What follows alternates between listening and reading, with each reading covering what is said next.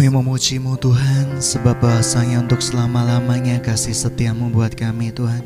Kami mengucap syukur karena engkaulah Tuhan, engkaulah Raja kami. Pada pagi hari ini Tuhan bertahtalah di dalam hati kami Tuhan. Supaya kami menjadi manusia yang utuh di hadapanmu. Bertahtalah di atas kami Tuhan supaya kami betul-betul mengerti kehendakmu. Bertahtalah di dalam seluruh tubuh kami Tuhan supaya jiwa kami pun dilegakan. Terima kasih Tuhan, kuasai tempat ini dengan hadiratmu, kuasai tempat ini dengan kuasa roh kudusmu, sehingga tidak ada satupun kuasa yang sanggup, yang dapat menghalangi kebenaran firmanmu. Terima kasih Tuhan, kamu serahkan semuanya dalam tangan perlindunganmu. Dalam nama Tuhan Yesus Kristus, kamu berdoa dan mengucap syukur. Mari kita yang percaya sama-sama katakan, amin. Shalom. Beberapa waktu yang lalu saya tergerak sekali untuk berbicara tentang New Apostolic Movement. Tapi sebelumnya mari kita buka firman Tuhan di dalam Kisah Para Rasul 5. Kisah Para Rasul 5. Puji Tuhan. Beberapa waktu yang lalu ada orang yang kembali berdebat kepada saya. Kok betul ternyata. Menurut New King James Version di HG 2 ayat 6 itu Tuhan akan menggoncangkan bumi.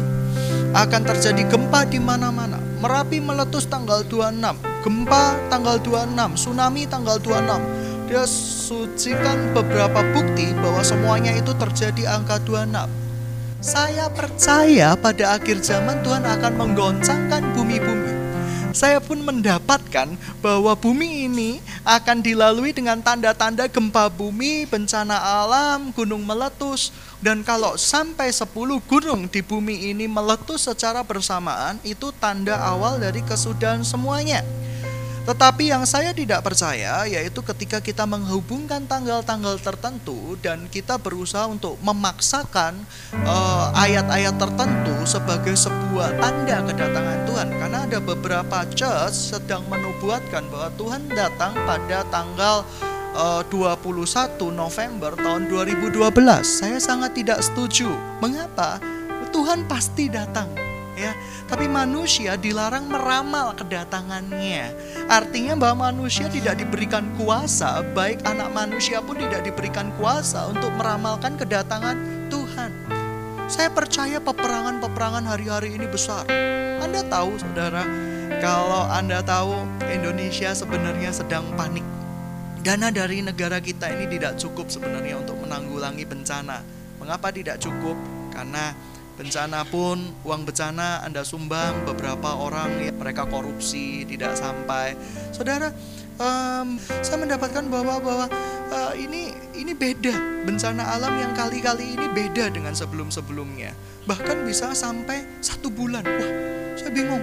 Tuhan, kalau gunung meletus sampai satu bulan Tuhan, itu bisa terjadi padang pasir Tuhan di Yogyakarta. Setebal bisa-bisa 30 cm 40 cm Tuhan. Saya tidak perlu pergi ke Afrika untuk ke sana tapi saya bisa ke sana. Di sana uh, saya akan nampak sejauh mata memandang ada pasir gitu ya. Atau Anda yang belum melihat fenomena uh, salju ini kan menjelang Natal ya. Anda bisa masuk foto pemotretan di Merapi. Itu wah kayak suasananya kayak Natal ya. Oh putih gitu ya white Christmas gitu ya seperti itu. Dan ketika ada awan panas kita tiba-tiba cepat mengungsi gitu ya foto lagi. Saya nggak tahu apakah ada orang yang punya ide seperti itu. Kalau ada orang yang punya ide seperti itu berarti orang itu sangat dekat sama Tuhan. Amin. Ketika kita foto di sana pemain musiknya menyanyikan lagu makin dekat Tuhan gitu ya lagu yang dinyanyikan oleh waktu film Titanic juga nah Sidang jemaat yang dikasih Tuhan, saya percaya Tuhan akan datang. Bahkan Tuhan bicara bahwa ketika sepuluh gunung itu aktif secara bersama-sama, maka akan terjadi sesuatu yang maha dahsyat.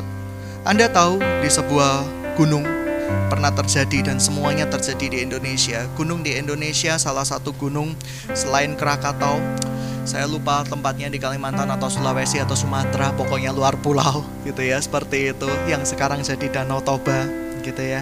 Itu adalah mantan gunung teraktif di dunia yang mengham uh, diperkirakan gunung itu ketika meletus itu menghancurkan seisi bumi ini. Anda bisa lihat searching di internet, makanya internet itu jangan twitteran, facebookan tok gitu ya, seperti itu gitu ya. Makanya lihat-lihat berita, jangan lihat yang aneh-aneh terus gitu ya. Gambar-gambar telanjang, gambar-gambar porno, lihat berita. Ada berita-berita yang sungguh bisa dipercaya di sana. Uh, saya lihat berita, saya baca berita mengenai bahwa bumung itu itu pernah terjadi letusan di zaman prasejarah sehingga memusnahkan manusia prasejarah yang katanya nenek moyang kita. Dan saudara, pada hari-hari yang sama diperkirakan Anda tahu Gunung Krakatau sekarang punya anak. Ya, gunung-gunung sekarang ini ngetren, ya kan update status terus gitu ya, gitu ya, awas gitu ya, waspada gitu ya. Uh, jadi ini gunung-gunung yang indah luar biasa. Uh, dia mengikuti perkembangan zaman gitu ya. Dia update status saudaraku ya. Nah, uh, diperkirakan bahwa kalau anak Krakatau ini menjadi besar, maka akan terjadi sesuatu yang dahsyat juga. Akan terjadi bencana nasional, bahkan bencana internasional. Tapi saya nggak akan bahas tentang gunung, tapi saya akan bahas bahwa kedatangan Tuhan akan datang. Saya percaya Indonesia ini adalah salah satu negara yang sangat dikuasai oleh unsur klinik.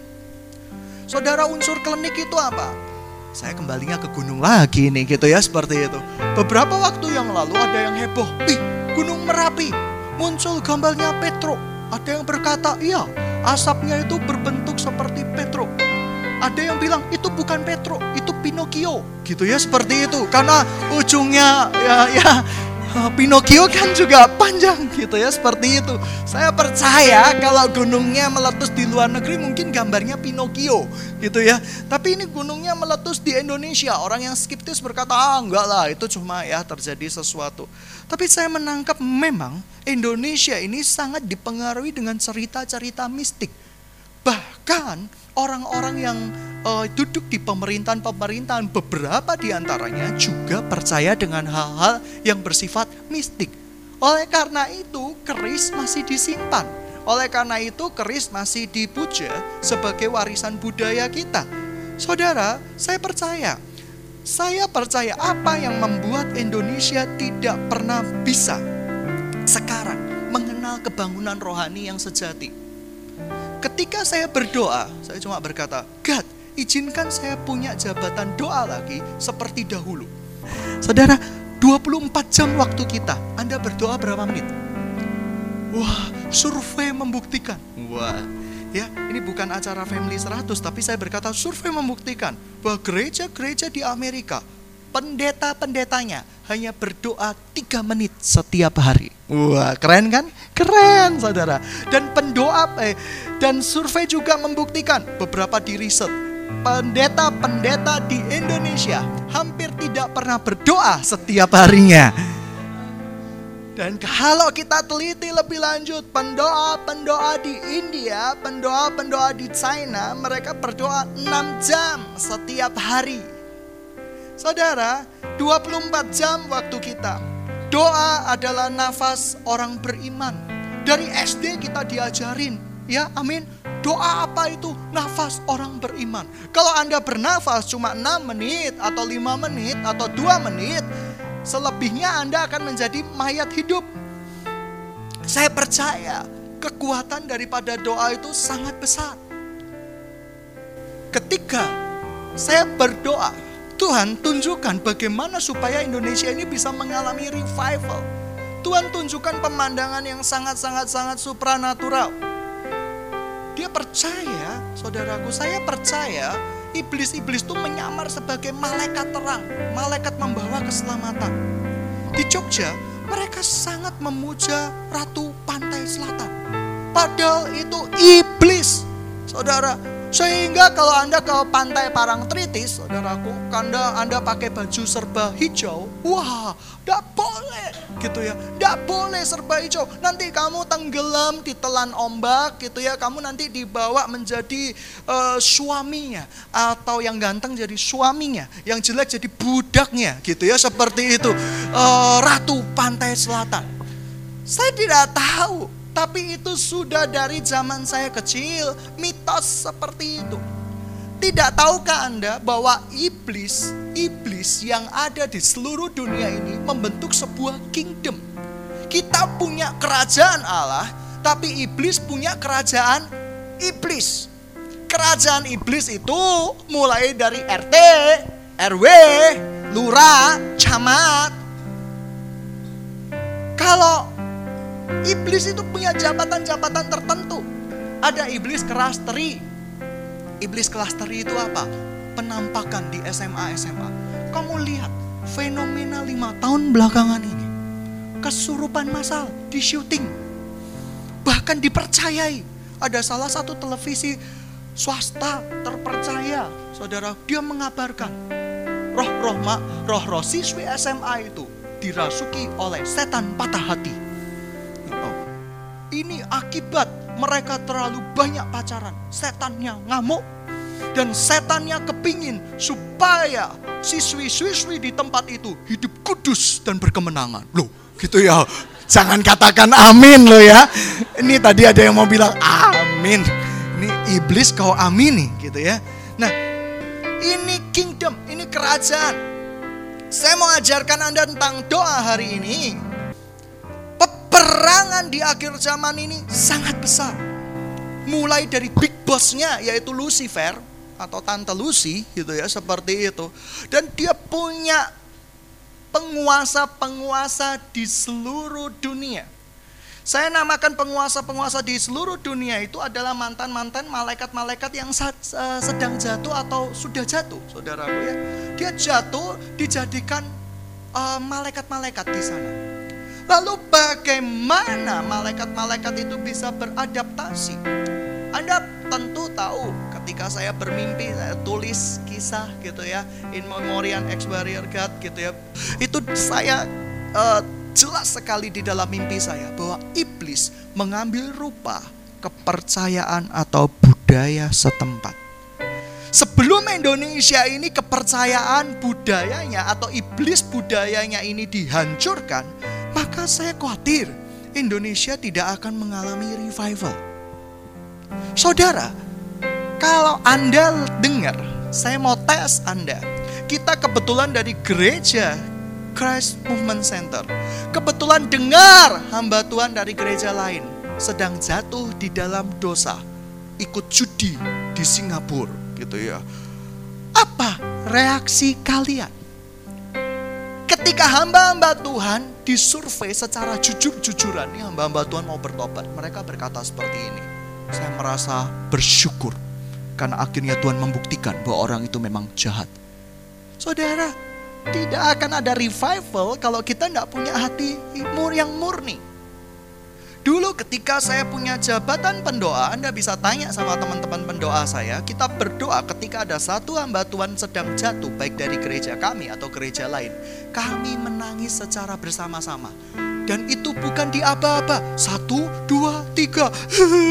Tidak.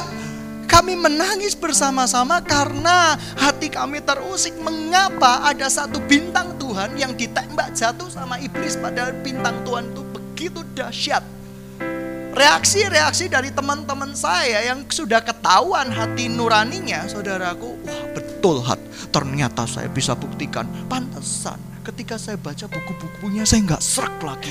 Uh, akhirnya saya ada bolo gitu ya, dosa saya juga akeh, pendeta juga dosanya banyak, jadi ada bolo. Nah, saudara kelihatan sekali, revival itu tidak akan terjadi kalau kita punya hati nurani yang kurang murni. Kembali ke kisah mula-mula, Iblis memberikan menyerupai kepercayaan-kepercayaan setempat. Saya percaya di Surabaya iblis menyerupai tertentu. Di uh, Jogja iblis menyerupai hal tertentu. Di Betawi iblis menyerupai hal-hal tertentu. Hari ini saya mau ajarkan Anda sedikit tentang strategi doa. Iblis punya penguasa-penguasa di udara. Dan dia punya kelas RT yang mengganggu rumah tangga keluarga kamu adalah iblis kelas RT. Harusnya iblis itu paling mudah kita taklukkan. Tapi kalau sebuah RT sejahtera, saudaraku, saya percaya iblis-iblis di tingkat itu sudah ditaklukkan setelah ke RT kita ke RW lebih besar dan lebih besar dan lebih besar lagi. Lalu bagaimana cara menghancurkan iblis-iblis itu saudaraku? Yang pertama, ketahuilah mitos atau sejarah di tempat kalian berada. Anda kepingin memenangkan Ubaya. Anda harus tahu Ubaya itu didirikan atas sejarah apa. Anda ingin memenangkan Petra, Anda harus tahu Petra itu didirikan dengan sejarah yang seperti apa. Anda ingin memenangkan universitas-universitas yang lain, Anda harus tahu sejarah pendirian di tempat itu. Saya pernah saya pernah saya mau kasih buka pikiran Anda bahwa iblis bekerja di tiap sekolah. Anda pernah dengar satu universitas yang 10 tahun lalu geger dan sampai sekarang geger terus. Kamu pikir itu bukan tipu daya iblis? Kamu pikir itu memang kegemarannya geger? Tidak. Saya percaya satu universitas ini rebutan ketua yayasan. Ketua yayasan yang baru digulingkan dan digulingkan dan digulingkan lagi. Itu yang saya sebut sejarah atau cikal bakal daripada universitas itu. Jadi tiap tempat punya cikal bakal yang berbeda-beda. Kita jangan harap menghancurkan iblis tingkatan kota sebelum kita menghancurkan, saudaraku, mitos-mitos yang ada. Mengapa Surabaya saya harus mengelilingi Tugu Pahlawan?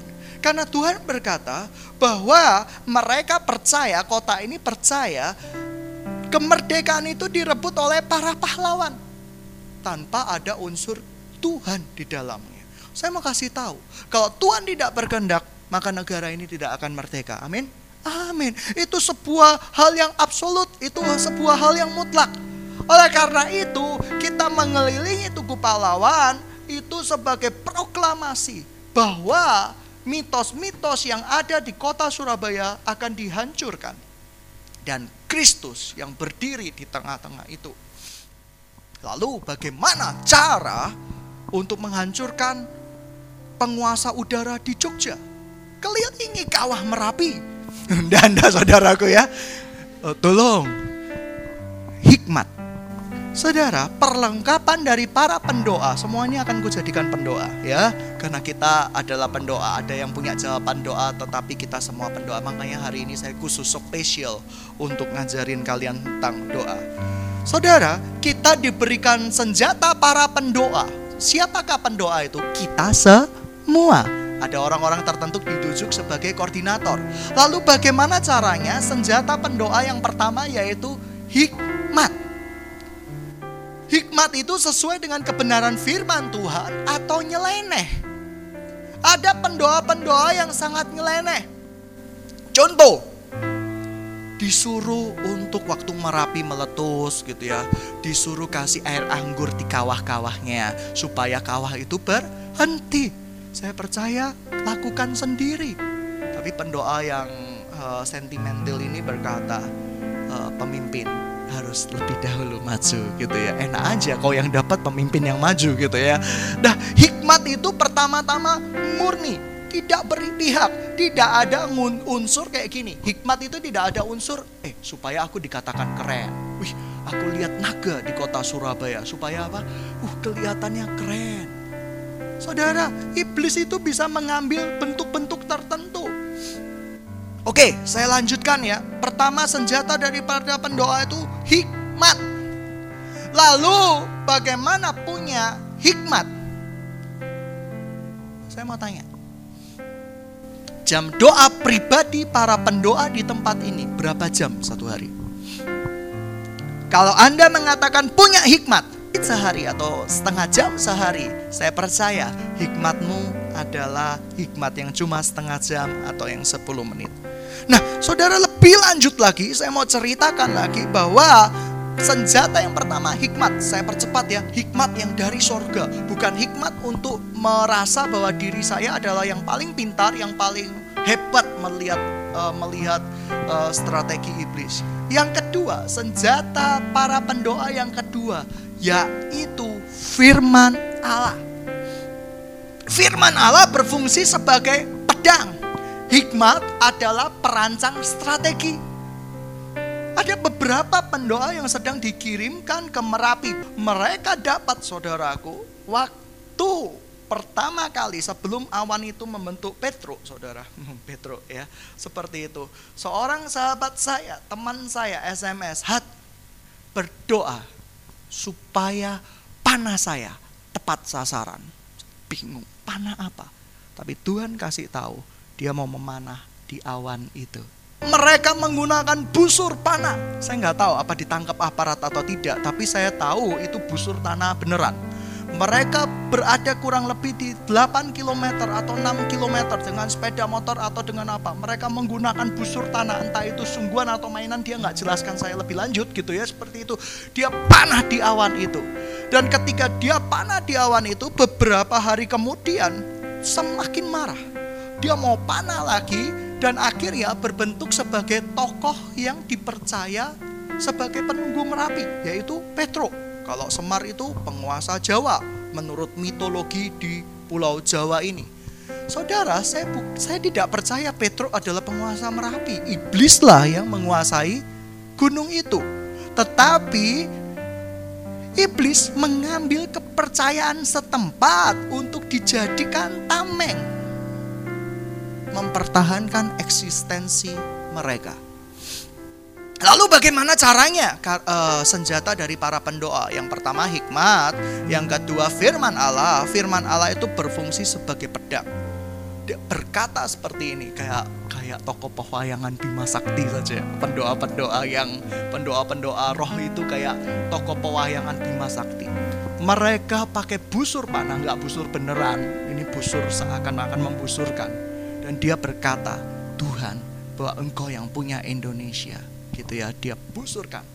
Saudara, loh kok kan kita harusnya cuma berdoa gitu ya, bertekuk lutut di hadapan Tuhan, selesai.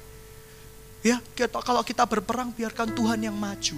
Perjanjian lama itu mengajar kita tentang strategi berperang Pernah tahu Tuhan tiba-tiba suruh oh, oh apa ya, eh kamu cukup kelilingi tembok Yeriko, ya kan? Itu strategi apa itu? Strategi orang stres, ya kan? Wah ini orang ini udah stres kelilingi tembok Yeriko sampai orangnya bingung semua. Tapi saya percaya Tuhan kasih strategi. Dia berkata, dia ucapkan firman. Jadi ada kelima orang ini ucapkan firman bersama-sama. Aku menantang engkau sebab Tuhan adalah pemilik Indonesia dan panah ini merupakan perlawanan kami bahwa kamu pasti mati. Dia panah terus, panah terus dan uh, iblisnya tambah marah. Itu yang saya namakan hikmat dan strategi. Amin. Strategi doa Anda yang ketiga adalah puji-pujian. Mengapa puji-pujian ini penting? Karena Saul ketika memiliki roh jahat dengar puji-pujian dari Daud, roh jahat itu undur pergi daripadanya. Dalam bahasa sebenar-benarnya, roh jahat itu lari. Cepat-cepat lari ketika dengar puji-pujian. Karena di dalam mimpi saya, puji-pujian itu bentuknya hebat sekali. Anda pernah lihat film Sun Gokong? Wah gitu ya ketika biksunya kasih kata-kata mantra mulai muncul yang wah mantra-mantra. Itu memang animasi sekali tetapi di dalam dunia roh saudaraku itu terjadi seperti itu. Ketika anda memuji Tuhan anda sebenarnya sedang mengikat iblis.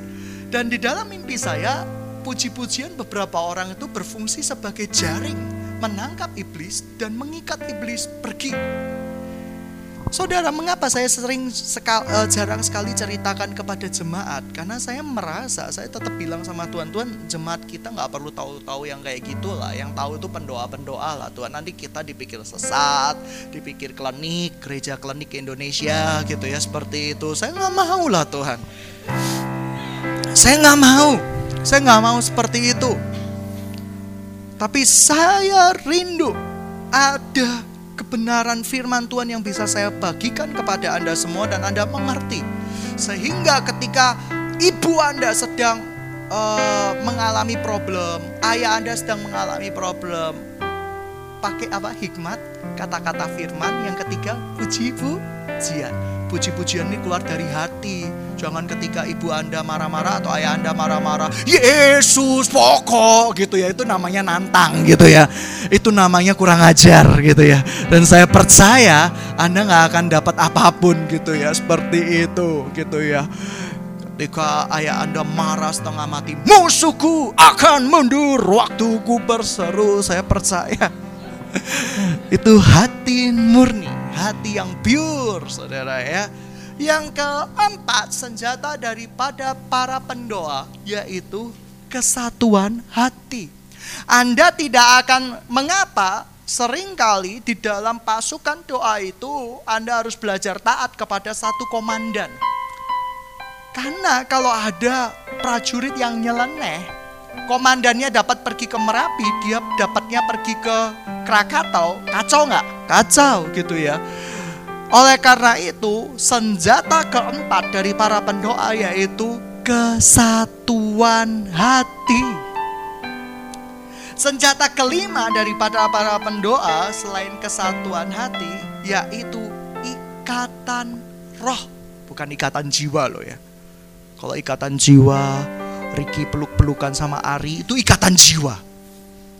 Mengapa orang kalau misalnya begitu dekat, begitu intim, perempuan dengan perempuan, laki-laki dengan laki-laki, perempuan dengan lelaki, itu bisa menimbulkan ikatan jiwa. Ya ikatan jiwa sih tidak apa-apa. Daud dan Yonatan punya ikatan jiwa. Tapi yang normal. Berikutnya senjata daripada para pendoa. Ya itu sudah kalian rangkum semua yaitu kecepatan untuk mengenali suara Tuhan. Ini rangkuman ya. Hikmat itu berbicara kecepatan untuk mengetahui rencana Tuhan, strategi apa.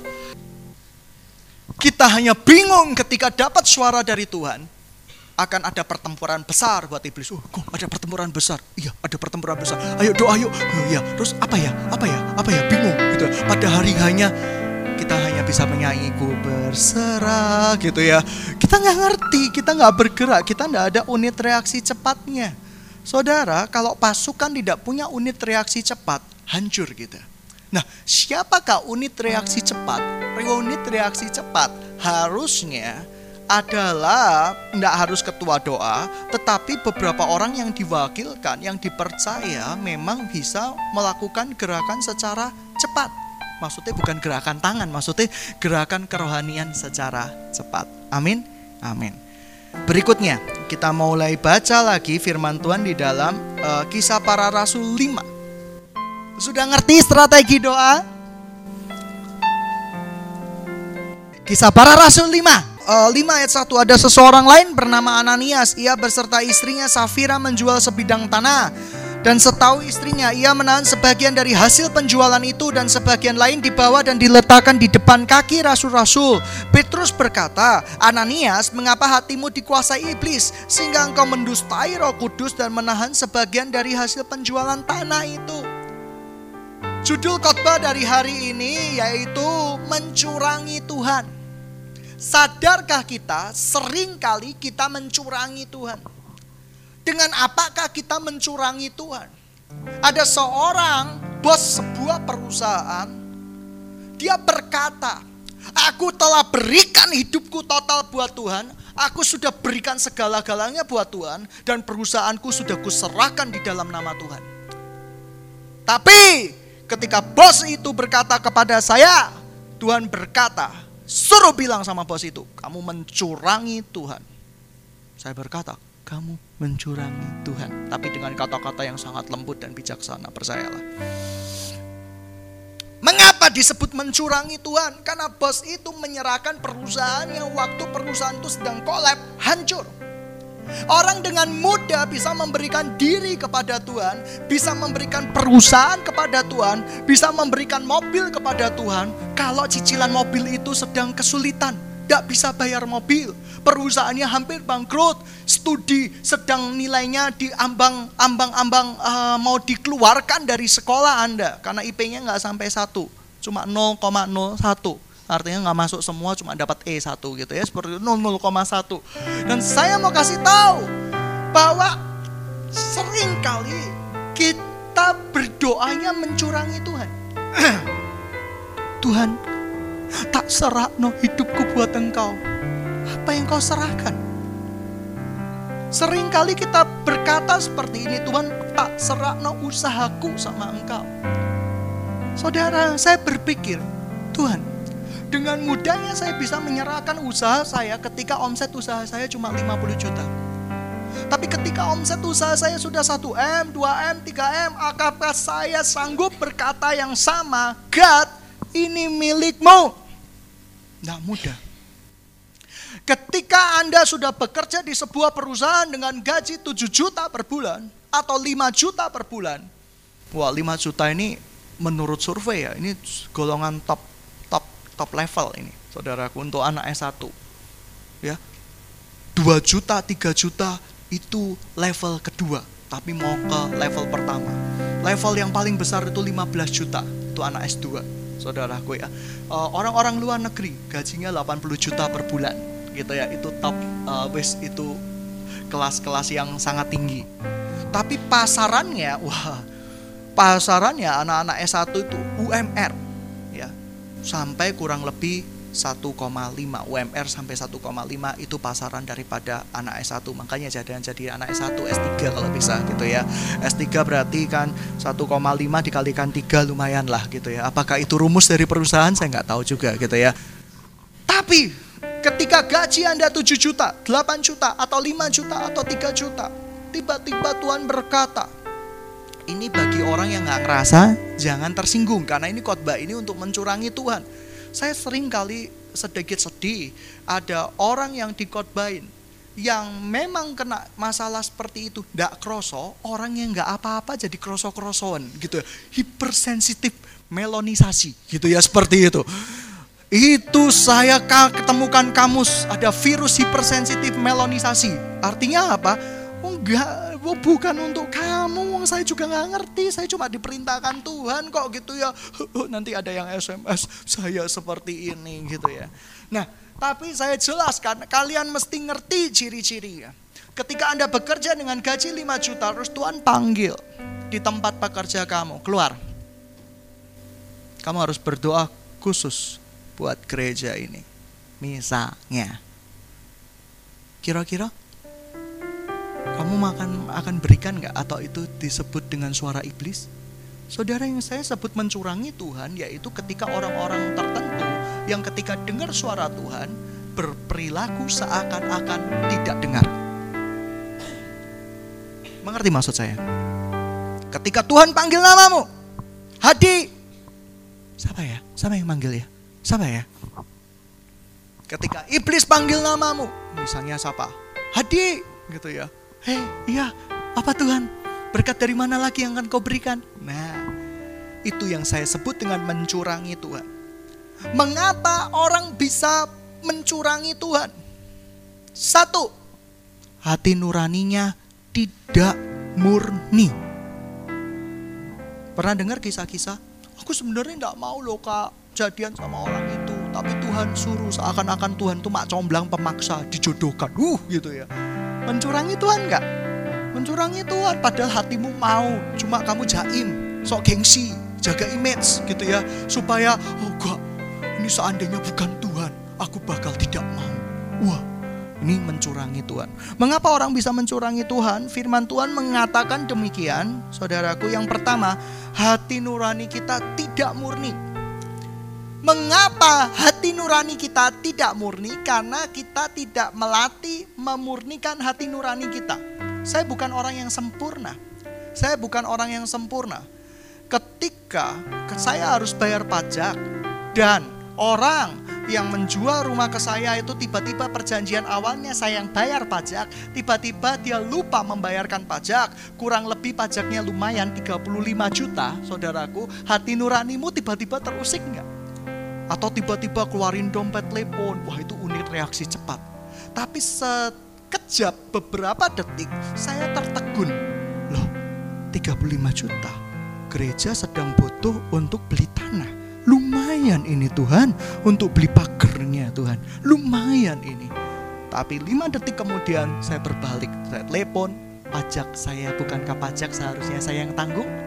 Ketika saya ucapkan seperti itu, daging saya kerasanya nggak karu-karuan. Rasanya lemes. 35 juta kalau dikasihkan dibelikan pentol tuh berapa puluh juta pentol. Persausnya kita bisa masuk ke kolam pentol, berenang di sana sambil pakai tusuk piting ambil wah enak sekali ya kan enak sekali kita berenang berenang di sana tapi saudara, saya tidak mau lakukan itu karena saya tahu hati nurani saya ada yang salah. Demikian juga di dalam soal kerjaan. Kadang ketika kami bekerja terlalu penat dan payah, ada beberapa konsumen telepon, kami akan cenderungnya jawabnya ngawur, termasuk saya gitu ya. Karena udah cepat, karena udah capek. Ah, ini rusaknya apa? Ya, mungkin seperti inilah, seperti itu. Terus 10 menit kemudian saya tersadar, saya harus tanya dulu, tidak bisa aji dukun gitu ya, perdukunan. Oh, ternyata bukan rusaknya itu. Saya telepon balik, Pak, rusaknya bukan itu, Pak. Ternyata yang rusaknya ini. Hati nurani kita dikembalikan ke posisi yang semula. Itu caranya melatih hati nurani, yaitu belajar mendengarkan suara Tuhan dan menyampingkan suara iblis. Itu hati nurani, itu hati nurani. Ketika Anda berkata bahwa saudaraku, hei, saya percaya Tuhan akan kasih sesuatu yang dahsyat buat tempat ini. Saya sangat percaya. Kemarin ketika kita beli tanah, saudaraku, iblis tidak terima. Karena saya merasa bahwa God ini tanah perjanjianmu. Tapi saya berusaha untuk menguasai hati. Kalau saya marah biasanya satu, langsung saya tinggal, tidak beli tanah di kamu, tidak apa-apa. Tapi saya berpikir, masih ada kemungkinan di sana. Saya berdoa, investasinya sudah ada, saya sudah siapkan dananya yang cukup untuk membeli awal itu. Berdoa teman-teman, penguasa di udaranya di sana tidak terima. Bayangkan, wis ditanda tangan harganya dirubah. Saya mau kasih tahu, berdoa. Lalu hati nurani yang murni, kita kembali ke hati nurani yang murni. Lalu bagaimana caranya supaya kita tidak mencurangi Tuhan? Kita harus melatih hati nurani yang murni itu. Yang kedua, bagaimana supaya apa penyebab kita mencurangi Tuhan? Pertama hati nurani, ya kan? Lalu bagaimana cara mengelola hati nurani? Saya sudah ajarkan kepada kalian, Alkitab sudah mengajarkan kepada kalian. Yang kedua, saya baca mari lagi, selama tanah ini tidak dijual, bukankah ini tetap kepunyaanmu? Dan setelah tidak dijual, bukankah hasilnya itu tetap di dalam kuasamu? Ini aneh. Ini aneh. Orang nyumbang kok dihukum sama Tuhan. Contoh, Anda punya duit 500 juta. Anda sumbangkan ke gereja, tiba-tiba Anda mati. Konyol kan? Konyol. Tuhan tuh seakan-akan berkata seperti ini. Loh, kamu itu jangan jaim di hadapan orang. Kalau kamu mau menyumbang 100 juta ya bilang 100 juta asal itu memang murni dari hatimu. Jangan bilang kamu besar-besarkan 500 juta. Tuhan tidak suka kamu sedang merencanakan sesuatu yang jahat di tempat ini. Oh, dihukum saudaraku. Hukumannya apa? Mati. Saya percaya seketika dia dijemput oleh bidadari-bidadari dari neraka. Lalu saudaraku, dengan cara apa kita mencurangi Tuhan? Ya, dengan cara apa, saudaraku? Yang pertama tadi saya sudah ceritakan, kita mengaku-ngaku mempersembahkan hidup kita sama Tuhan. Kita mengaku-ngaku bahwa ini milik Tuhan, tetapi sebenarnya kita nggak total sama Tuhan.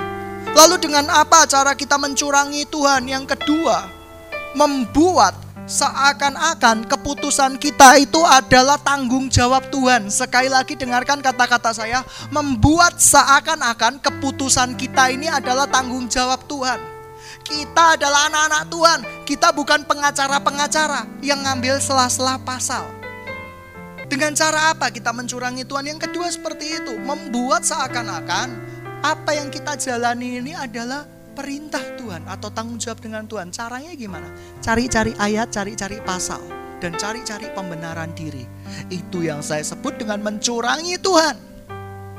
Dengan cara apa kita disebut dengan mencurangi Tuhan? Saya sekali lagi katakan, kalau Anda terbeban jadi orang Lewi, jadilah orang Lewi.